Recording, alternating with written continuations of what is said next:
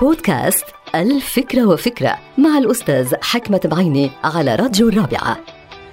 لا يمكن أن يعتمد نجاح أي نشاط تجاري أو مؤسسي فقط على تدفق الإيرادات والأرباح والأموال، لأنه تلك الإيرادات والأرباح لا تأتي من العدم بل هي نتيجة مباشرة لجهد الناس والموظفين والمدراء العاملين في هذا النشاط التجاري أو المؤسسي. فبعض أصحاب الأعمال يتنكرون لدور الموظفين ويعتبرون أن تدفق الأرباح مرتبط بتقنيات وإبداعات لها علاقة مثلا بنوعية الخدمة أو بتخفيض الأسعار أو بشراء المواد بأسعار زهيدة أو طريقة بيع الشركة لمنتجاتها هذا جميل جدا ولكنه ليس صحيحا 100% لأن العامل الأساسي في استدامة الأرباح والإيرادات مرتبط بشكل استراتيجي بالقوى العاملة الراضية عن وجودها ودورها في الشركة ونتيجة أيضا لقاعدة متنامية من العملاء المخلصين للشركة ومنتجات الشركة.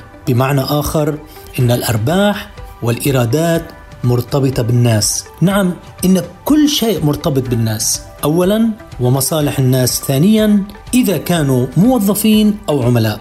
انتهت الفكرة. هذه الحلقة مقتبسة من كتاب الفكرة وفكرة.